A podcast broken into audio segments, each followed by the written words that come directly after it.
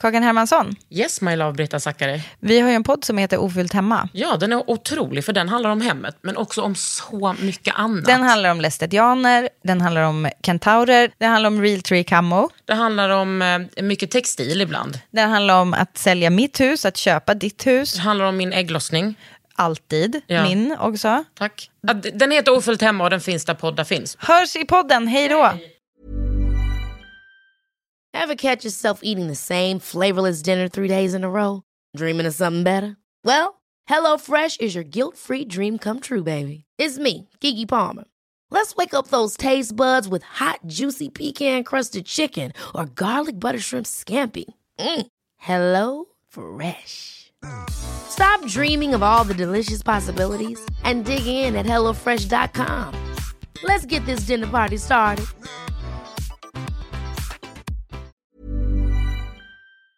Välkomna till Underhuden med mig Kakan Hermansson. Idag kommer Emma Wiklund på besök, före detta toppmodell, ja fortfarande modell och hudvårdsentreprenör med sitt egna märke Emma S. Hon kan en del om hud. Det här är en podd från L. Under huden.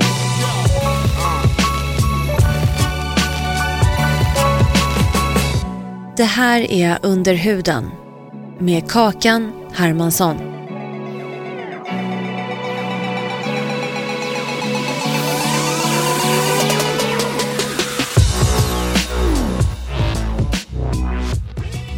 Emma Wiklund, du är liksom inte Emma Sjöberg längre. Jo, det är jag nog.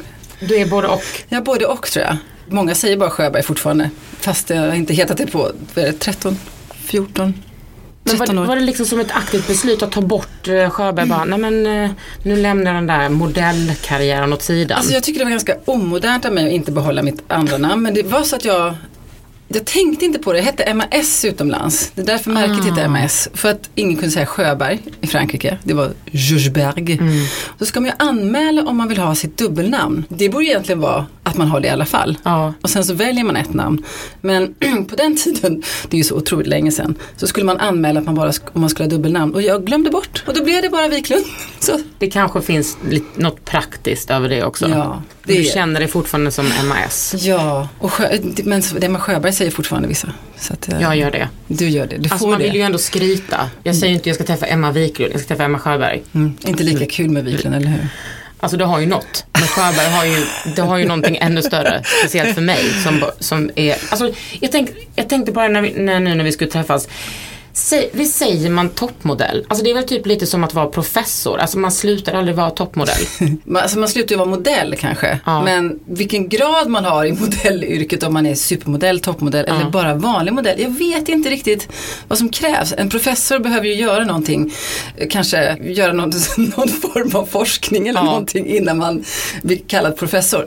Riktigt så är det inte i modellbranschen. Att man, Toppmodell emeritus kan man säga. Liksom. Kan man säga, kanske. Men vadå, du kan ju inte säga att toppmodeller inte jobbar eller gör någonting. Nej, Alltså, men är det om inte antal omslag som ska räknas eller? Nej men man blir ju inte bara toppmodell sådär. Nej, då måste man jobba nu då kanske. Men alltså jag tänker så här, du blev ju typ modell när du var, var du 14? Nej. Var du yngre? Nej, jag var äldre. Jag var nästan 20. Jag var jättegammal. Jag skulle fylla 20 när jag flyttade till Stockholm. Jag var 19. Ja. Du, du är inte så fucked liksom som de som började när de var 12. Det, det vet jag inte om de är, men det ska man inte göra. Man ska inte börja som modell. Man ska inte börja jobba. Det är barnarbete brukar jag säga. Jag jobbade när jag var 12. Gjorde du? Mm. Vadå? Som plus size, när jag skojar. Vad- då var jag lite äldre faktiskt. Men på dagis. Jaha. Det tycker inte jag är så farligt att börja jobba lite när man är ung. Det är bra att tjäna sina egna pengar. Jo, det är det. Men, men egentligen så är det, det är väldigt mycket diskussioner för unga som, men just modeller, jag tycker det ska finnas en åldersgräns på 18 år. Det är inte, det är en ganska tuff bransch och sen så är det, alltså du, du kanske är så ung och du ska liksom se sexig ut, du kanske inte ens har Ja, det är haft sex. Det är ju jättekonstigt. Ehm, och sen så är det ganska mycket pengar, så det är stora företag som ställer ganska höga krav. Och nej, jag tycker nog man ska vänta Det är tills man konstigt är att 18. 12-13-åriga tjejer ska liksom porträttera sexuellt aktiva kvinnor. Jättekonstigt, det är helt sjukt. Och jag tycker också att ehm, det finns ju faktiskt det är vuxna människor som ska ta ansvar. Det första är ju kanske föräldrarna som ska säga nej. Och det andra är ju de här som bokar, alltså designer och modetidningar, att de verkligen säger nej men vi bokar ingen som är så ung. Nej. Och det börjar ju komma lite mer vettiga tycker jag åsikter. Både från hur smala tjejerna ska vara till hur gamla de ska vara. Mm. Men det är så lätt för oss att sitta när man kommer från något sånt här välbärgat eller du vet, bra svenskt, tryggt eh, bakgrund. Mm. Man kunde alltid komma hem och ha någonting att falla tillbaka på. Men du kanske kommer från helt annat, ganska fattiga områden, tuffare miljöer där du försörjer hela familjen och skickar Mm. hem alla pengar. Så att det, det är så lätt att sitta och vara klok själv. Men, eh, Men Det, det måste vara så i modellbranschen att man träffar liksom folk från så himla många olika sociala grupper. Mm. Att ni har det gemensamt, att ni är modeller och sen så är det så här, det är väldigt spridda skurar. Ja, och man vet, jag kom på det, jag funderade på det, jag vet knappt var kom alla ifrån? Man satt där, man sågs ju inte så jätteofta. Man sågs framförallt under visningsperioderna när det var Milano eller Paris. Då umgicks ju alla. Men så vet man vilka länder de kom ifrån men man visste ju väldigt lite om vilken familj de kom ifrån, hur hade de det hemma. Man hade inga goda snack direkt. Man hade inte det det var ju innan mobilkamerans tid. Så man, Ja, kunde sitta, man kunde inte sitta och titta på, ah, kolla här vad fint mitt hus är eller här är mamma. Och, fanns ju inte. Vänta, du är född 68. Ja, Kan inte räkna ut. Vänta, hur gammal är du? då fyller jag 48. Herre min Jo. gud. Hur Så- fan kan du se ut så här? Ja, men- ja, det ska vi tala om sen. Men jag tänker så här, att då har du ju liksom du blev modell, ja visserligen sent men du blev modell. Att ha en sån, vad händer med ens identitet när man hela tiden passerar i alla människors ögon som vacker och snygg och sexig? Mm. Hur, jag, alltså min raka fråga är, hur störd blir man? Ja, ja, det kan bli stört för att man får en lite det konstiga är att man, man är ganska självkritisk. Även om det gick jättebra och man hade framgång med sitt utseende. Jag var aldrig den här klassiskt snygga tjejen. Jag hade ganska eget utseende, ganska androgynt, maskulint. Så jag var nog inte klassad som det här. Du var inte Karen Mulder? Nej, inte den här beauty Cindy Crawford, snygga Helena Christensen utan mer kanske tomboy, pojkaktig. Så jag var nog inte jag blev inte lika störd kanske. var inte lika många som tyckte jag var så snygg. Men jag tror, det första som var bra var att jag var 20 och det andra var, även när det gick som bäst så tyckte man ändå inte att man var riktigt snygg.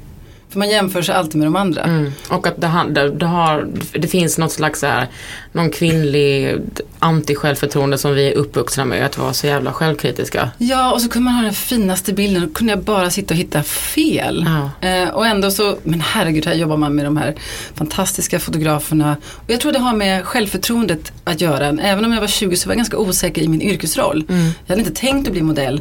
Jag står då framför kameran innan man hade riktigt koll på vem jobbade man med, vad blev det för bild, hur funkar min kropp, vad, vad gillar jag? Det var ganska läskigt. För du är ganska utlämnad. Men det är ju ännu värre kanske om du är 14-15. Så är du 20 så, ja, då är man på väg att flytta hemifrån i alla fall. Så att då klarar man sig kanske vad- lite bättre. På vilket eh, sätt ter sig liksom det dåliga självförtroendet? När man ändå är så pass, alltså du var ju ändå en av världens största modeller. Det var nog i mig själv liksom. Jag jämförde mig alltid, tyckte aldrig riktigt att jag var lika snygg som de andra. Men du är, spelar ju på liksom en toppnivå av bara massa snygga människor. Jag tror att Ja. alla var ganska osäkra. Jag brukar säga, jag vill jättegärna ha självförtroendet idag och så kroppen som var då. Det vore toppen Det ser ut som att det har hänt jättemycket med din kropp Emma. Nej, men förstår du? Ja. Även om man då, man kan titta på tjejerna, ja, de var så himla snygga men Mm. det är ganska osäkra också.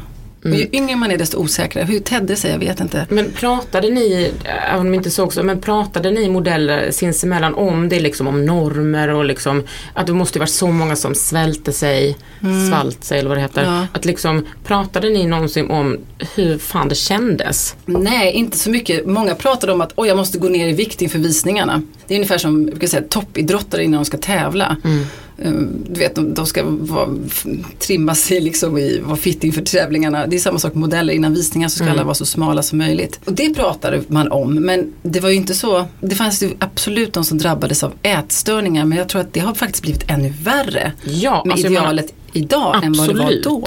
Alltså modeller idag är mycket smalare än på 90-talet. Ja, alltså skulle jag kommit med min kropp som jag kom då i slutet på 80-talet, då, då hade inte jag blivit modell. Då hade du blivit plus size. Då hade jag blivit plus De bara, herregud du är ju en 34 Emma, det blir Nej. direkt till plus size. Ja precis, du måste ligga på 32. Ja. Nej, det, var, det, det har ju inte blivit bättre men eh, din fråga, om vi pratade om det? Nej.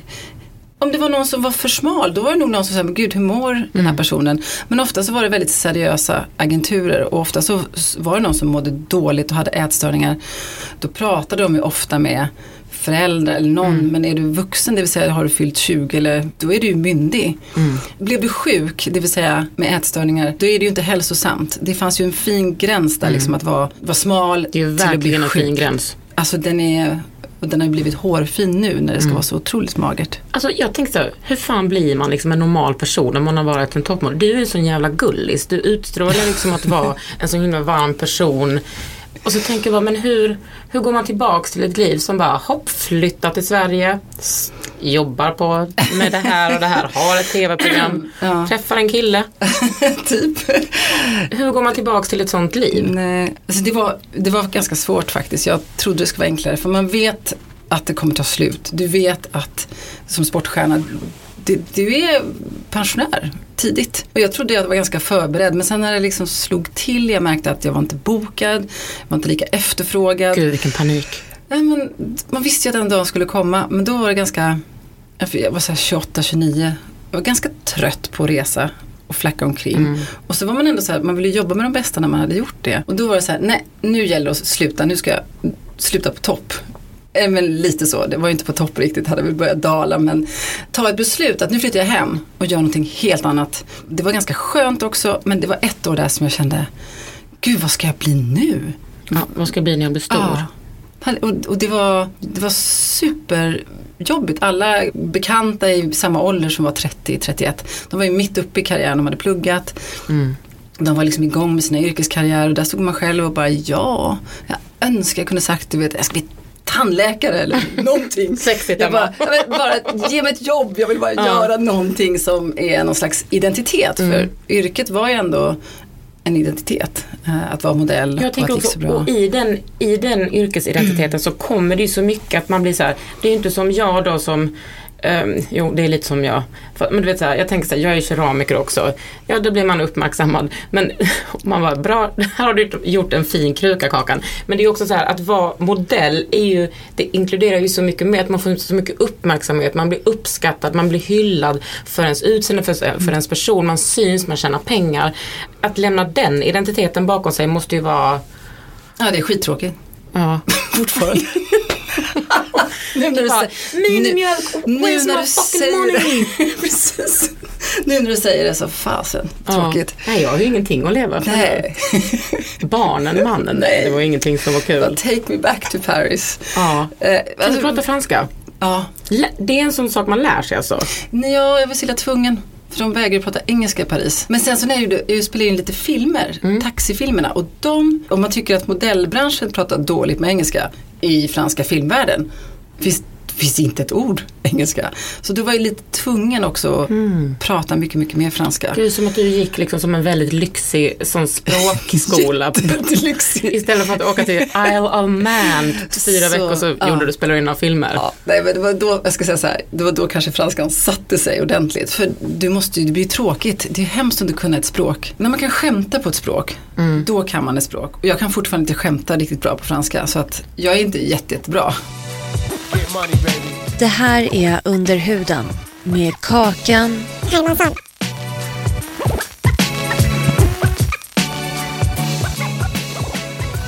Den här podden sponsras av Synsam. Du har väl laddat ner deras nya app Style Lab by Synsam. Med den kan du testa vilka glasögonbågar du passar bäst i. Kul även för de som inte behöver nya glasögon utan som bara liksom vill leka loss lite. under huden. Vi har ju en ny grej här nu med eh, podden. Och det är att jag har bett mina läsare på L att eh, ställa frågor till dig. Då har det ju kommit in en och samma fråga har ju varit så här. Det här, det här är en väldigt, ro, väldigt roligt formulerad fråga. Okej, jag undrar en sak. I typ samtliga modellintervjuer som jag läste när jag var ett vårtsvinsbarn, ja hon menar nog barn bara, så pratades det om modellernas perfekta hy. Som jag minns det var förklaringen typ, nej men jag dricker mycket vatten, sminkar mig aldrig till vardags, tänker aldrig på min hy, använder någon gammal krämburk från Nivea som min farmor köpte på sin tid. Så nu till min fråga. Ingår det i jobbet att nära myten av, om modellernas och modellers övermänsklighet och närmast älvlika tillstånd eller råkar alla intervjuer jag läst bara handla om helt hudointresserade personer? Det där tycker jag är så vanligt. Att man, jag kommer ihåg typ jag såg någon dokumentär som var så här med, med, med massa olika toppen och så bara åh gud jag hatar smink, jag bara ta av mig mitt smink och till vardags går jag bara jeans och t-shirt, jag dricker mycket vatten, allting är så naturligt. Jag bara, och där satt man själv så 12 år i Lund och hade typ plitor och ville dö.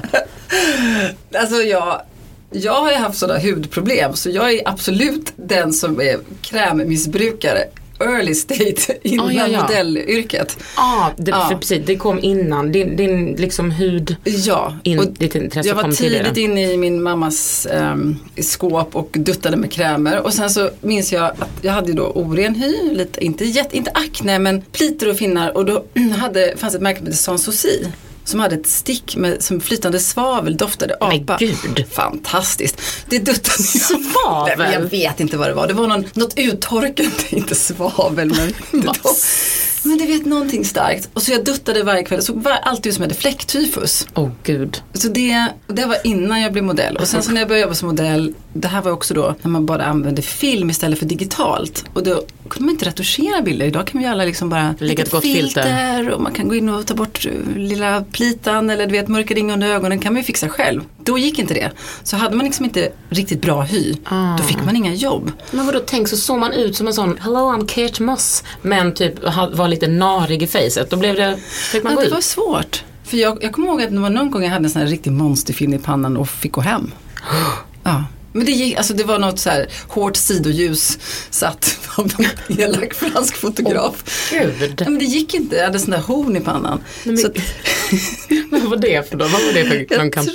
tror- det, var någon, det var ett redaktionellt jobb. Jag vet inte om det var just L eller vad det var. Men det var någon, någon tidningsjobb och, och konkurrens. Vi var flera olika tjejer på bilden så de, de kunde väl skicka hem en av dem. Kunde du, kunde du inte bara ha haft en hatt? Nej men jag tyckte också det, eller bara kunde jag ha min hand på pannan lite fint sådär. Men, så jag, jag hade inte alls det här perfekta. Jag var, träffade en hudläkare tidigt då, och som sa du måste använda den här sortens produkter, slarva inte med rengöringen, smörj in, men också det här lite faktiskt vad man stoppar i sig. Det tycker jag påverkar min hy väldigt, väldigt mycket. Men nej, så jag har inte varit den här, åh jag bara tar lite, Från farmors burk? nej, Men inga det farmorsburkar. känns ju som att många modeller har varit det. Ja, eller så kanske det är lite trendigt att se. Eller så är det så här, de är så himla unga och då kanske man inte behöver De har liksom inte haft någon hormon i sin kropp någonsin. De kanske, kanske är det, eller om man inte kommit i puberteten än. Nej usch, så ska vi inte säga. Nej men det, så där kan det väl vara? Nej, men jag tror att framförallt så, när man är väldigt ung, det vet man ju själv, så kunde man, även om man inte sov, så syntes det inte lika mycket. Precis. Idag sover man åtta timmar, det ser fortfarande ut som jag inte sovit någonting. Ja, det Så- är så hemskt. Man, man kanske inte hade samma behov. Men Ehm, alltså det var det jag tänker också så när man, man hör de här, jag var ju besatt av modellen när jag var liten. Hur kommer det sig? Ja, men jag, vadå, jag växte upp i, så här, i, i en tråkig förort eh, som heter Gunnesbo utanför Lund. Mina intressen var typ handboll och rap. Och sen så Det är en jättebra kombination Tack. tycker jag. Men jag längtade liksom bort till lyxen. Jag kunde typ alla modeller. Jag var också besatt av Esther Cañadas. Åh, Hur fan ser den jäveln ut? Alltså, men du vet vad? De är inte riktiga. Va? Jag vet, det finns före och efterbilder. Nej. Jag vet inte riktigt om jag vill tro på det här. Nej, vad tråkigt. Men vem bryr sig? Hon är så jävla Ja. snygg. Men när jag då läste L och liksom läste alla de här intervjuerna och var besatt av modeller. Så var det alltså, och det är så jobbigt för man måste jobba så mycket, sen måste man vara uppe och festa hela natten för att eh, liksom fortsätta vara en it-girl och så sover man ingenting. Man bara, hur kan man, fort, hur kan man festa så att sova tre timmar och sen gå upp och jobba och vara Nej, men det gör man inte. Det är också bara s- struntprat.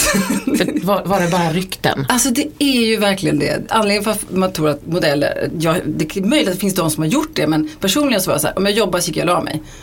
Sån är jag. Men det, gud, Emma, var det som att alla andra modeller tyckte att du var en tönt? Nej, och lite kanske ibland. Men vissa gjorde ju inte det, det kan jag säga. Men det Ja. är klart att man jobbar ju inte 9 till 5, man jobbar inte måndag till fredag. Nej. Så det var ju klart, klart att man kanske gjorde saker på onsdagskvällar, gick man på Bandouche i Paris, för man jobbar inte torsdagen. Ja, ja, ja. Eh, och sen så kanske man åkte iväg någonstans på fredagen och jobbade lördag, söndag. För det var aldrig någon sån här Om vi ringer upp Claudia Schiffer nu, vad tror du hon skulle säga om dig då? Men jag tror hon skulle säga ganska snälla saker. Har du alltid varit en sån här gullis? Har Nej. du varit en bitch? Nej, det är inte jag. Nej. Jag gillar inte sånt. Tycker inte det, nej man ska inte vara elak. Sen så, jag, men jag kan nog vara ganska bestämd kan jag nog vara. Framförallt idag, men det är också när man vet vad man vill. Men bitch, det är ju liksom att vara taskig. Det är det tycker inte jag är snyggt. Men jag tänkte så här, på 90-talet då fanns det inte den här, nu tycker jag mer så här med unga tjejer att det finns en ryggrad av systerskap, man ska fries before guys, hela den här mentaliteten att man ska välja tjejer framför killar. Men hur var det då? Var det, liksom, var det backstabbing, var det liksom man bråkade om jobb och Ja det gjorde man ju alltid. Eh, och man var ju alltid lika besviken när man inte fick en viss visning kanske för någon annan tog det. De ville ha en annan blondin. För det var ju ofta till exempel att man skulle ha en viss typ av tjejer till en visning. Och då var det inte vilken personlighet utan nej, men nu ska jag ha bara korthåriga blonda. Men, men, men sen så var det ju mer att man skulle ha toppmodellerna. Alla supermodeller skulle göra Versace och gjorde man Versaces visning då var man en supermodell. Jag börjar Och- gråta. Men gud, tänk att du har levt det här livet. Tänk att du bara, nej men här står jag bredvid Linda Evangelista och klämmer på hennes lilla rumpa. Vet inte om du har gjort Nej. men jag kan jag, fan jag gjort det. försöker tänka, gjorde jag det? Nej men ja, det är mycket Men det undrar jag, hur mycket lesbian action var det mellan de här modellerna? Det måste ju ändå ha funnits en del. Um, Jag jag tänker, det, var, det var några tjejer som var definitivt öppet lesbiska. Men det var ju inte så konstigt egentligen. Det, alltså vi levde ju i en värld, jobbade i en värld med väldigt mycket homosexualitet och framförallt gay. Men det var ju inte alls så vanligt med just som du säger lesbiska Nej, par. Ehm, konstigt. Jag tänker så här, att det finns så mycket, visst det heterosexuella ögat är väldigt närvarande i liksom modebranschen men så många vackra kvinnor, så lite kläder, så mycket droger att fylla. Då tänker man ju bara full on lesbian liksom.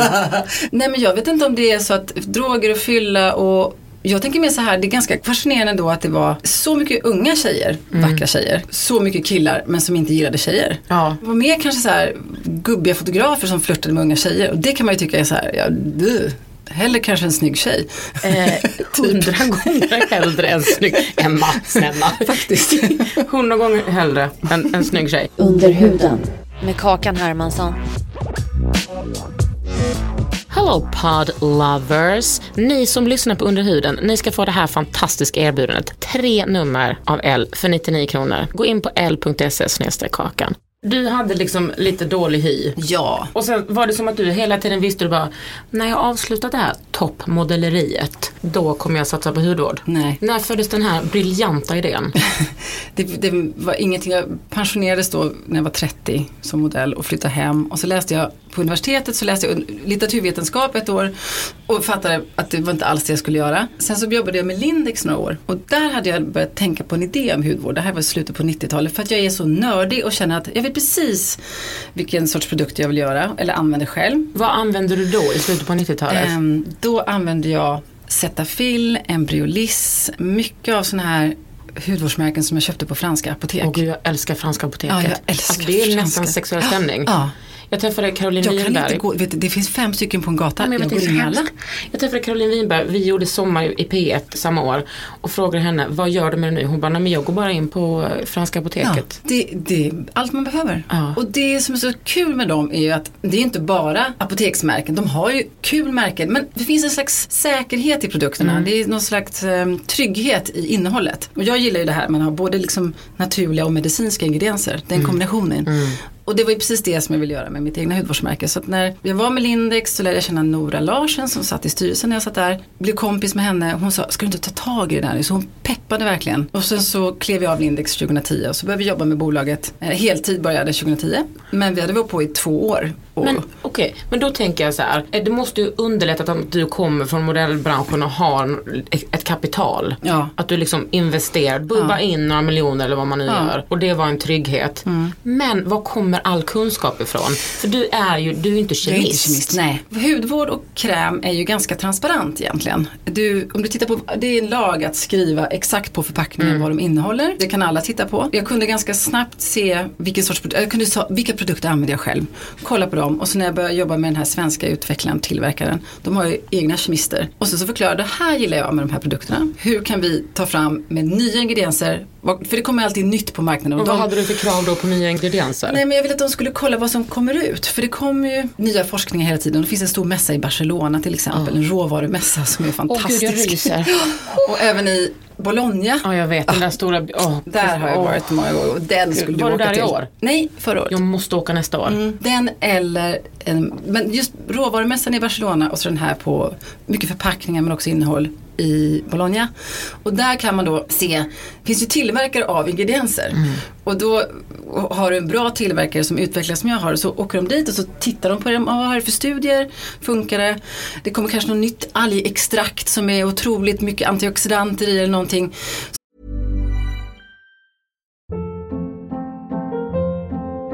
Hold up. What was that? Boring. No flavor. That was as bad as those leftovers you ate all week. Kiki Palmer here, and it's time to say hello to something fresh and guilt-free. Hello Fresh. Jazz up dinner with pecan-crusted chicken or garlic butter shrimp scampi. Now that's music to my mouth. Hello Fresh. Let's get this dinner party started. Discover all the delicious possibilities at hellofresh.com. Hey, I'm Ryan Reynolds. Recently, I asked Mint Mobile's legal team if big wireless companies are allowed to raise prices due to inflation. They said yes. And then when I asked if raising prices technically violates those onerous two year contracts, they said, What the f are you talking about, you insane Hollywood ass? F- So to recap, we're cutting the price of Mint Unlimited from $30 a month to just $15 a month. Give it a try at mintmobile.com slash switch. $45 upfront for three months plus taxes and fees. Promo rate for new customers for limited time. Unlimited more than 40 gigabytes per month. Slows. Full terms at mintmobile.com. Så man vill ju hela tiden vara på det nya. Mm. Så det är inte bara, och så, och så letar de och så, så blandade de och så kunde jag ju förklara effekt jag vill ha och vilken känsla. Och sen så är det ju så mycket mer med hudvård tycker jag, förpackning, vilken pa- doft den har. Alltså jag går igång på allt med kräm. Men du måste ha lärt dig så mycket. Ja, nu vill jag ju gärna bli kemist. It's not too late. Nej, jag vet, jag vet, kanske det. Du är ju liksom alltså halvkemist ändå. Nej. 0, du kanske är 28% kemist. Vill, jag vet inte hur ska man bedöma det, det är ungefär som professorn där, jag vet Ja, inte jag precis. Halvprofessor i kemi. Hur var det liksom, vilken var den första produkten du bara, det här vill jag göra. Jag vill ha en perfekt dagkräm eller jag vill ha en perfekt liksom syrapeeling. Enzympeelingen var med i startsortimentet. För jag sa jag kan inte göra en hudvårdsserie utan en syrad-produkt. För det har hjälpt min hud så otroligt mycket och det gör skillnad. Och jag gillar ju saker som ger resultat, gärna första gången. Alltså en, ett användande och så ska man bara, ja, För de som inte vet lite vad en syrapeeling är, kan du berätta noggrant? En, en syrap, nu vet ju att du vet exakt vad det är. Jag vet. Men då, våra älskade fans som lyssnar. Men syra kan vara lite olika. Det är AHA eller BHA-syror. Och AHA-syra står för alpha hydroxyc acids och det kan vara alltifrån fruktenzymer, um, jag har till lite papaya och mangoenzymer i min. älskar det. Ja, de är super, superbra och de löser ju upp döda hudceller utan att man liksom river sönder huden. Precis, det, finns, ganska- det är skillnad på mekanisk peeling och eh, Precis. kemisk peeling. Mekanisk är mer kanske med korn eller man river lite och Ja. det, det kan slita på, liksom, Ja. på ytan. Det, det, jag också... använder inte korn i ansiktet. Nej. Det ska man inte göra, ajabaja. Alltså det, det, men det är för att, som du säger, det är så tunn hud ändå. Och du håller på så mycket med bomullspads och borstar. Man får ganska mycket mekanisk peeling ändå.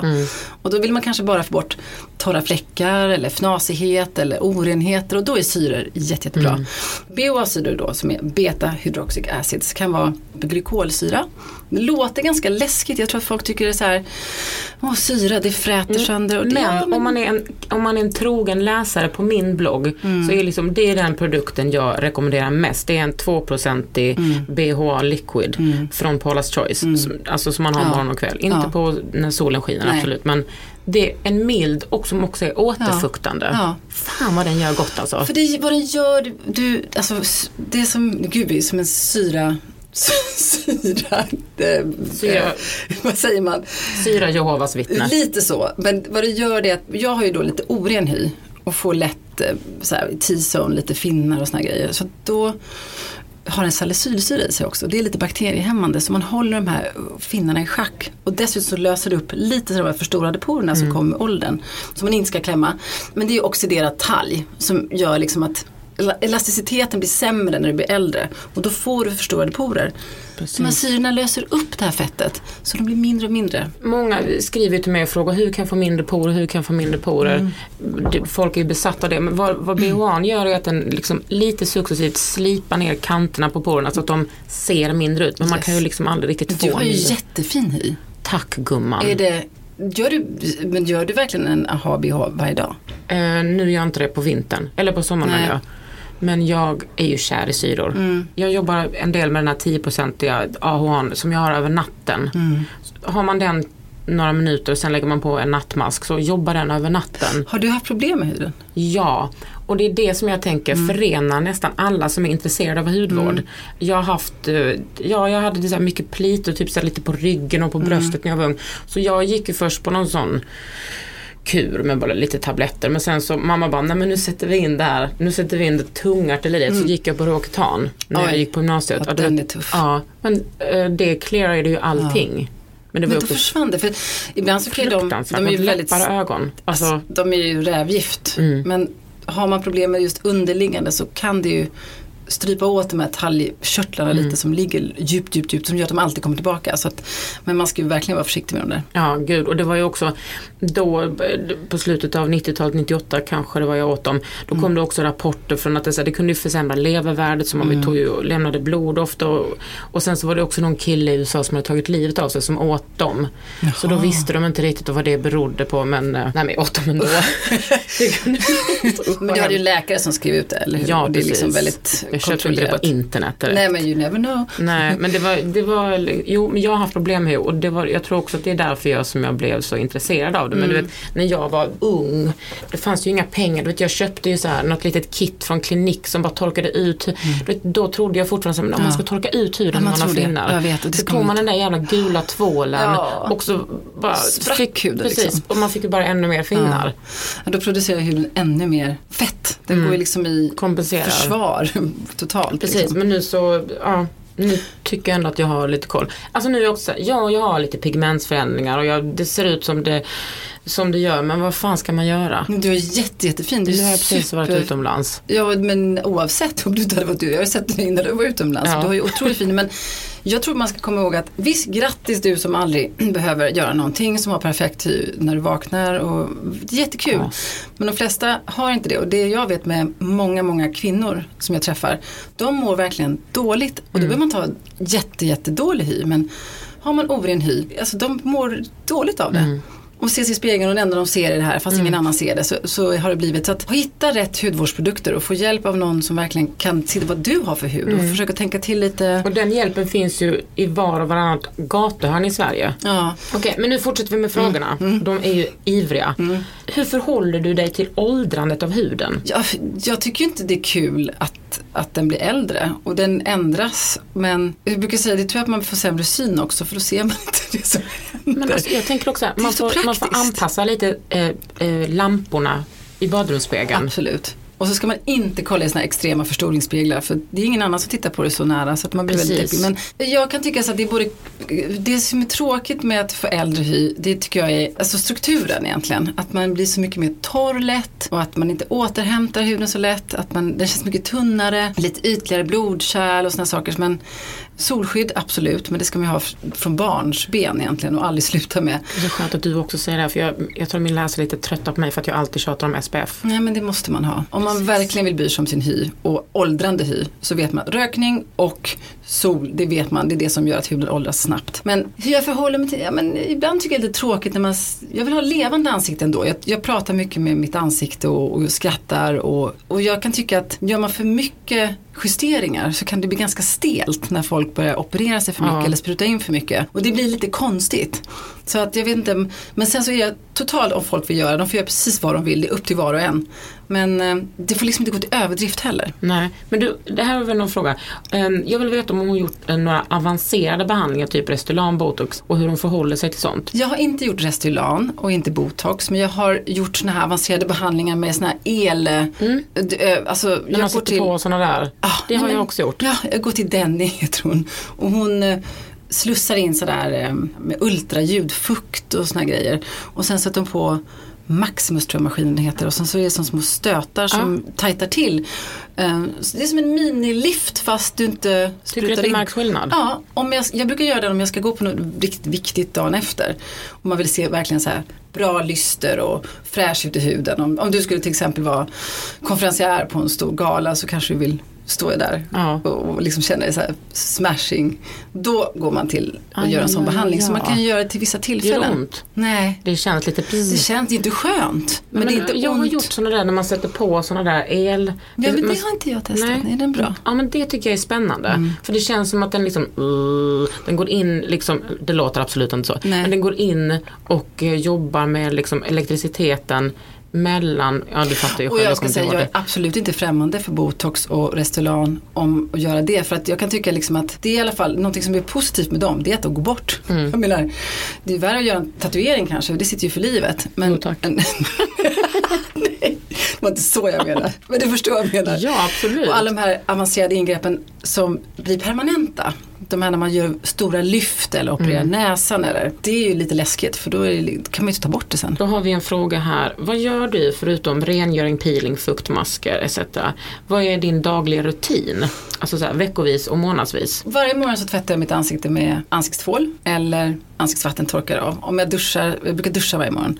Har du bara dina egna produkter? Eh, nej, det har jag inte. Jag testar massa olika men just min ansiktstvål, den här facial wash, den kan jag inte vara utan. Den är faktiskt varje morgon och kväll. Är den aktiv? Eh, nej, mest rengörande. Ja. Inte så mycket aktiva. Och sen så kör jag alltid ögonkräm, serum. Jag har ju tre olika serum i min egen. Ibland så testar jag ju andra också. Men beroende på hur huden mår lite. Är jag väldigt torr och det är vinter. Man kanske behöver mer oljebaserat. Så jag anpassar ofta efter årstid. Och så, så får man ju se lite, hur känns huden idag? Eh, vad ska jag göra? Sen alltid då återfukta med serum och ögonkräm. En dagkräm. Och gärna med solskydd. Och har jag inte det så kompletterar jag med ett solskydd. Jag blev lite förvånad över dagkräm att den bara hade 15 SPF. Mm. Men det var för att när vi gjorde den så det väldigt många som, vår fuktdagkräm har inget solskydd. Men det är för att vi vill ha då en kräm som inte hade SPF för vissa är känsliga och vill inte ha. Och den kunden måste ju också hitta en fuktkräm. Och så tog vi SPF 15, mycket för att jag ville hitta då en som då också var bra att kunna makea sig över. Och ofta kan de bli lite sträva i konsistensen om man har för mycket SPF i. Så jag ville ha fortfarande en dagkräm som funkade bra under makeup. Och då valde jag 15. Alltså, så det det här så är mycket- mer vanligt dagskydd. Sen om jag är ute i solen, då kör jag 30 på det. Bra, du Ja. blaffar på. Ja, blaffar och då vill jag säga att 30 plus 15 blir inte 45, Nej, det, det blir blir inte. 30. Det ska Men man det- också veta att det här med att blanda i ett solskydd i en annan, det kan vara farligt. Ah, För att när man får en sån här klassificering, nu blir vi nördiga med det SPF ska vi på. vara. Det ska vara både UVA och UVB-skydd, det är jätteviktigt. Och när man gör det så måste du testa UV-skyddet i din produkt. För det är ju liksom olika saker reagerar ju ol- De gifter olika. sig alltid. Nej, så att bara ta ett separat 30 och blanda i en kräm, om du har väldigt mycket aktiva ingredienser i din vanliga kräm, Mm. då kanske det här bryts ner. Du vet inte att det funkar i Oh den krämen. Så kör dagkrämen, sen på med solskyddet. och hur ser det ut på kvällen? På kvällen, ja nu är vi klara, sen så sminkar jag mig då. Men på kvällen, bort med ögonmakeupen med hjälp av eye makeup remover och en pad som jag blöter. Någon form, antingen här svamp eller bomull. Bara för att få bort. Och jag har alltid vattenfast mascara beroende på vilket smink. Den sitter ju som berg. Allting är så här long lasting, 24 hour. Och det, det blir Vem så fan himla... behöver smink 24 hours? Nej men det är just säljargument. Ja, jag vet, Ska- men ingen behöver ju det. Fukt behöver man ha. Ja, det behöver Det man. behöver man. Men håller med. Men vissa sover ju med smink. Triggervarning. Oh, Gud. det får man inte göra. Nej, det får man absolut inte göra. Nej. Jag vet också för Kim Kardashian gick ut och sa att hon bara ja, det funkar för mig att sova med smink. Nej. Jo. Men i alla fall, bort med ögonmakeup ordentligt. Få bort så du inte har det på handduken sen. Och sen så, beroende på om jag har mycket smink eller inte, så tar jag antingen en rengöringsolja eller, jag gillar ofta flytande rengöringar som jag kan dra. Jag vill inte bara fingrarna, utan jag vill hemskt gärna få det här mekaniska. Men jag tycker om så här svampar som jag blöter. Ja, det gillar jag med. Och makeupsvampar som man liksom kan, de kan man tvätta sen också. Då blir det inte lika dumt för miljön som bomullspads. Och sen efter det så, ibland, och en synpeeling gör jag då en gång i veckan. Som jag lägger en minut. Mask om jag är torr. En minut, då är den jävligt stark alltså. Fast den är inte så stark, men du behöver inte längre. Alltså den är inte, du blir ju lite röd av den och den, Mm. Och den känns ju och vissa känner, känner mer. Så jag brukar säga, gör den inte ikväll när man ska gå bort första Nej, nej, nej, gången. nej, nej, allt innan så. Men du är ju van tror jag, du är van vid syre Mm. så jag tror inte att den här är så stark för dig. Men sen så då serum, ögonkräm och nattkräm. Och beroende på mm, hur huden mår, kanske nattmask annars. Det är så gott. Då och då. Ah. Och de är ju verkligen bra. Mm. Man tror att ah, men det är bara en fetare nattkräm. Nej, det är massor med ofta ingredienser som både liksom balanserar och verkar mycket Ja. längre och jämnar ut och jobbar med pigmentförändringar. Alltså det är verkligen en liten Jag älskar boost. nattmasker. Men Emma, Mm. när blev du mest starstruck? Kanske när jag träffade Tina Turner. Ja men alltså jag vet inte vad det var. Jag tror jag precis sett den här filmen Ike and Tina om hennes What's liv. love got to do with it? Ja, va? precis. Och så träffade jag henne på Angela en backstage på en visning i Paris. Och då bad jag faktiskt om autograf. Ja men du vet, tycker man det kanske är pinsamt. Men jag bara nej. Den Har du kvar den? Ja jag tror det är någon låda. Jag, vet inte, jag hoppas verkligen det. Men då blev jag starstruck. Ah. Men det kanske också var för att men hon har ju sånt häftigt. Det här var kanske 10 år sedan eller fem, 15 år sedan. Ganska länge sedan. För jag Madonna. Madonna. Är ditt Madonna? Åh herregud. Men Ja. då sa jag bara hej. Jag, jag har inte träffat henne men Hej, hej då. hon var så kort. Jag var Ja, förvånad. 1,54. Ja, Jag tänker ditt yrke så måste du ha träffat alla kändisar i hela världen. nej, inte alla tror jag. I början på 90-talet där så var det ju väldigt många modeller som hade kända pojkvänner. Och då var det ett år, just på Versace så var det då hade Helena Christensen var ihop med Michael Hutchins. Stephanie Seymour var ihop med Axl Rose. Just det, åh gud. Och Clara Schiffer var ihop med han trollkarlen. Det här har jag pratat Ja. om med mina kompisar. Ja. Och, eh, David, nej, David? Copperfield. Ja, Ja, jättekonstigt. men det var ju också, åh gud, alltså vi pratade om det här för kanske bara en månad sedan. Googlade upp honom. Han, vad kunde han böja någon jävla gaffel eller något? Men alltså, han var ju, men, och sen så gick det så mycket rykten om att det bara var ett skenförhållande. Men de var Ja, ihop. de var ihop ganska länge Ja. tror jag. Och så var Linda Evangelista, hon var ihop med Fabian Barthez, han var i fotbollsspelare. I, Åh, snyggt par. ja, jättesnygg. Mm. Men det var så här, då skulle man ha en rockstjärna på armen. Jo, och Naomi Campbell var ihop med han basisten i U2, så var det. Oj. Det var väldigt så här Vem var mycket. du ihop med då? Men Någon tönt? Nej, jag var ihop med, men för jag var ihop, då var jag ihop med en basketspelare som jag var ihop med i jätte- jättemånga år faktiskt. Ah, Svensk kille. ja. Som jag träffade innan jag blev modell. Som var ihop med i sju år. Nästan. Men var du inte ihop med någon, någon cooling då? Eh, nej, nu är jag ihop med en cooling. Ja, ja men det vet jag, en crazy cooling. Nej. Men jag menar, är du, alltså, men var du inte, var du Du aldrig- menar att jag det, det var tillsammans med han i Ace of Base i två år? Det var absolut inte det jag refererade till. Nej, det är typ de tre jag varit ihop med. Jaha, nej, men du var liksom aldrig, du bara, nu tog jag den här modellen, jag tog det där. Nej, ingen sån här cooling. Nej, skitdåligt med det. Ja, nej men nu har du en cool. Ja, det har jag faktiskt. Han får liksom kompensera ja, för jättecool. allting. Ja. Coola filmkritiker liksom. När har du känt dig som snyggast? Du bara, den där shooten, eller när jag gick och gifte mig, eller när jag liksom gjorde... Du, det vet jag faktiskt. Jag Fan, vad vet. bra svar. Ja, det var en visning i New York. Jag blev sminkad av Kevin O'Coin. Och Kevin O'Coin lever tyvärr inte idag. Men han var, på, på 90-talet som gjorde Janet Jackson, alla de här shadings. Han, alltså skuggningens kung. Alltså kon- King man- of Contour innan det hette contouring. of contouring. Och han har gjort, han har en bok, det finns en bok med alla hans Säg vad han hette. Kevin O'Coin. Skriv ner detta nu. Ja, ehm, alltså jag ja. säger till mina lyssnare bara. Ja, Kevin O'Coin. Han sminkade mig för den här visningen. Eh, och jag har klänningen kvar, jag ska kolla vad den heter. Men, och så var det så vackert hår och jag kom att titta mig i spegeln och jag kände liksom inte igen mig. Fast det var positivt.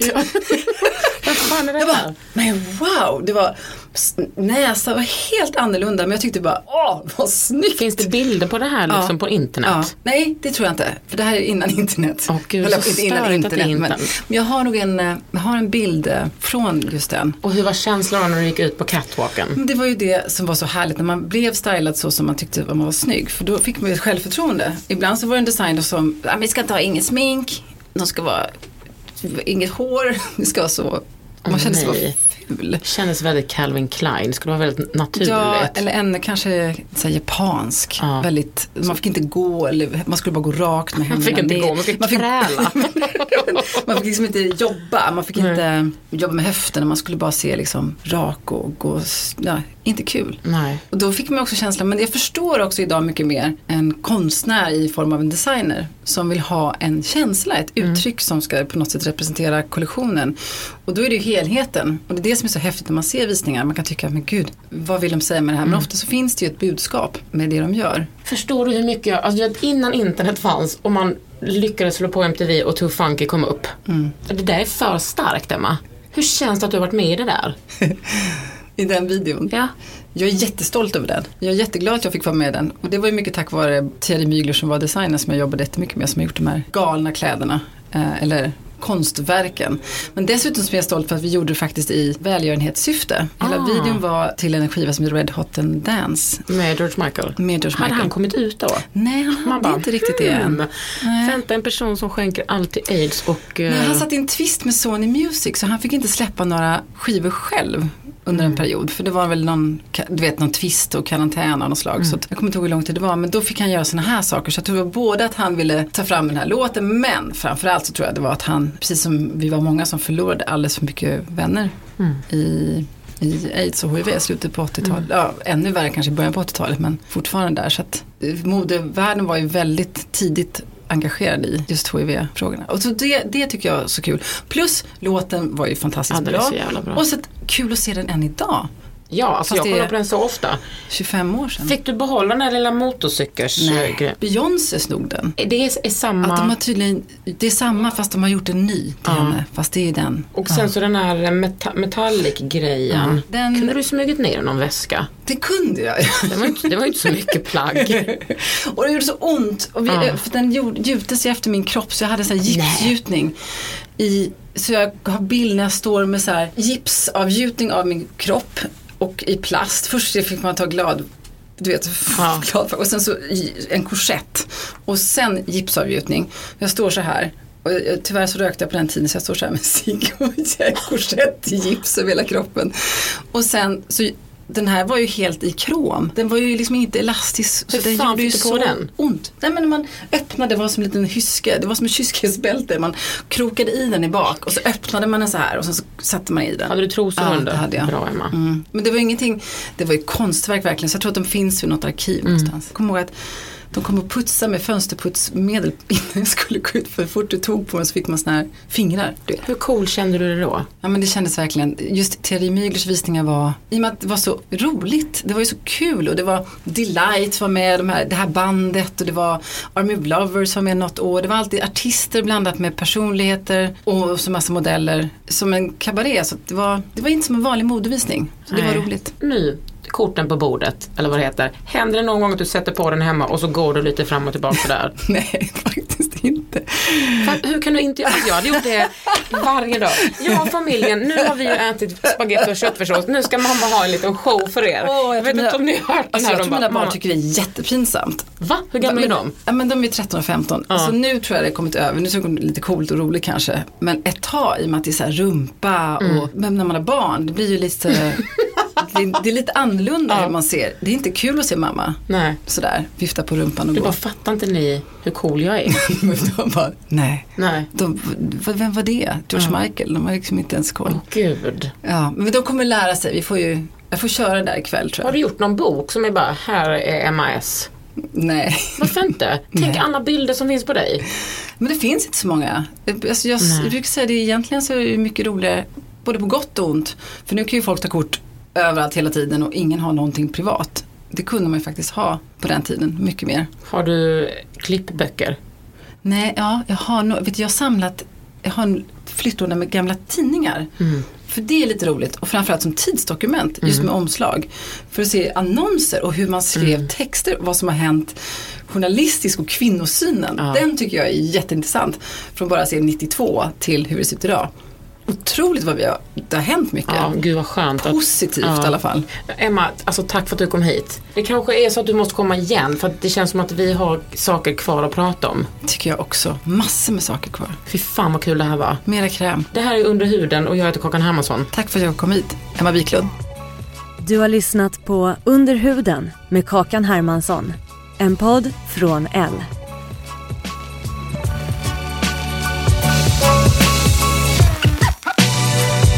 money, baby.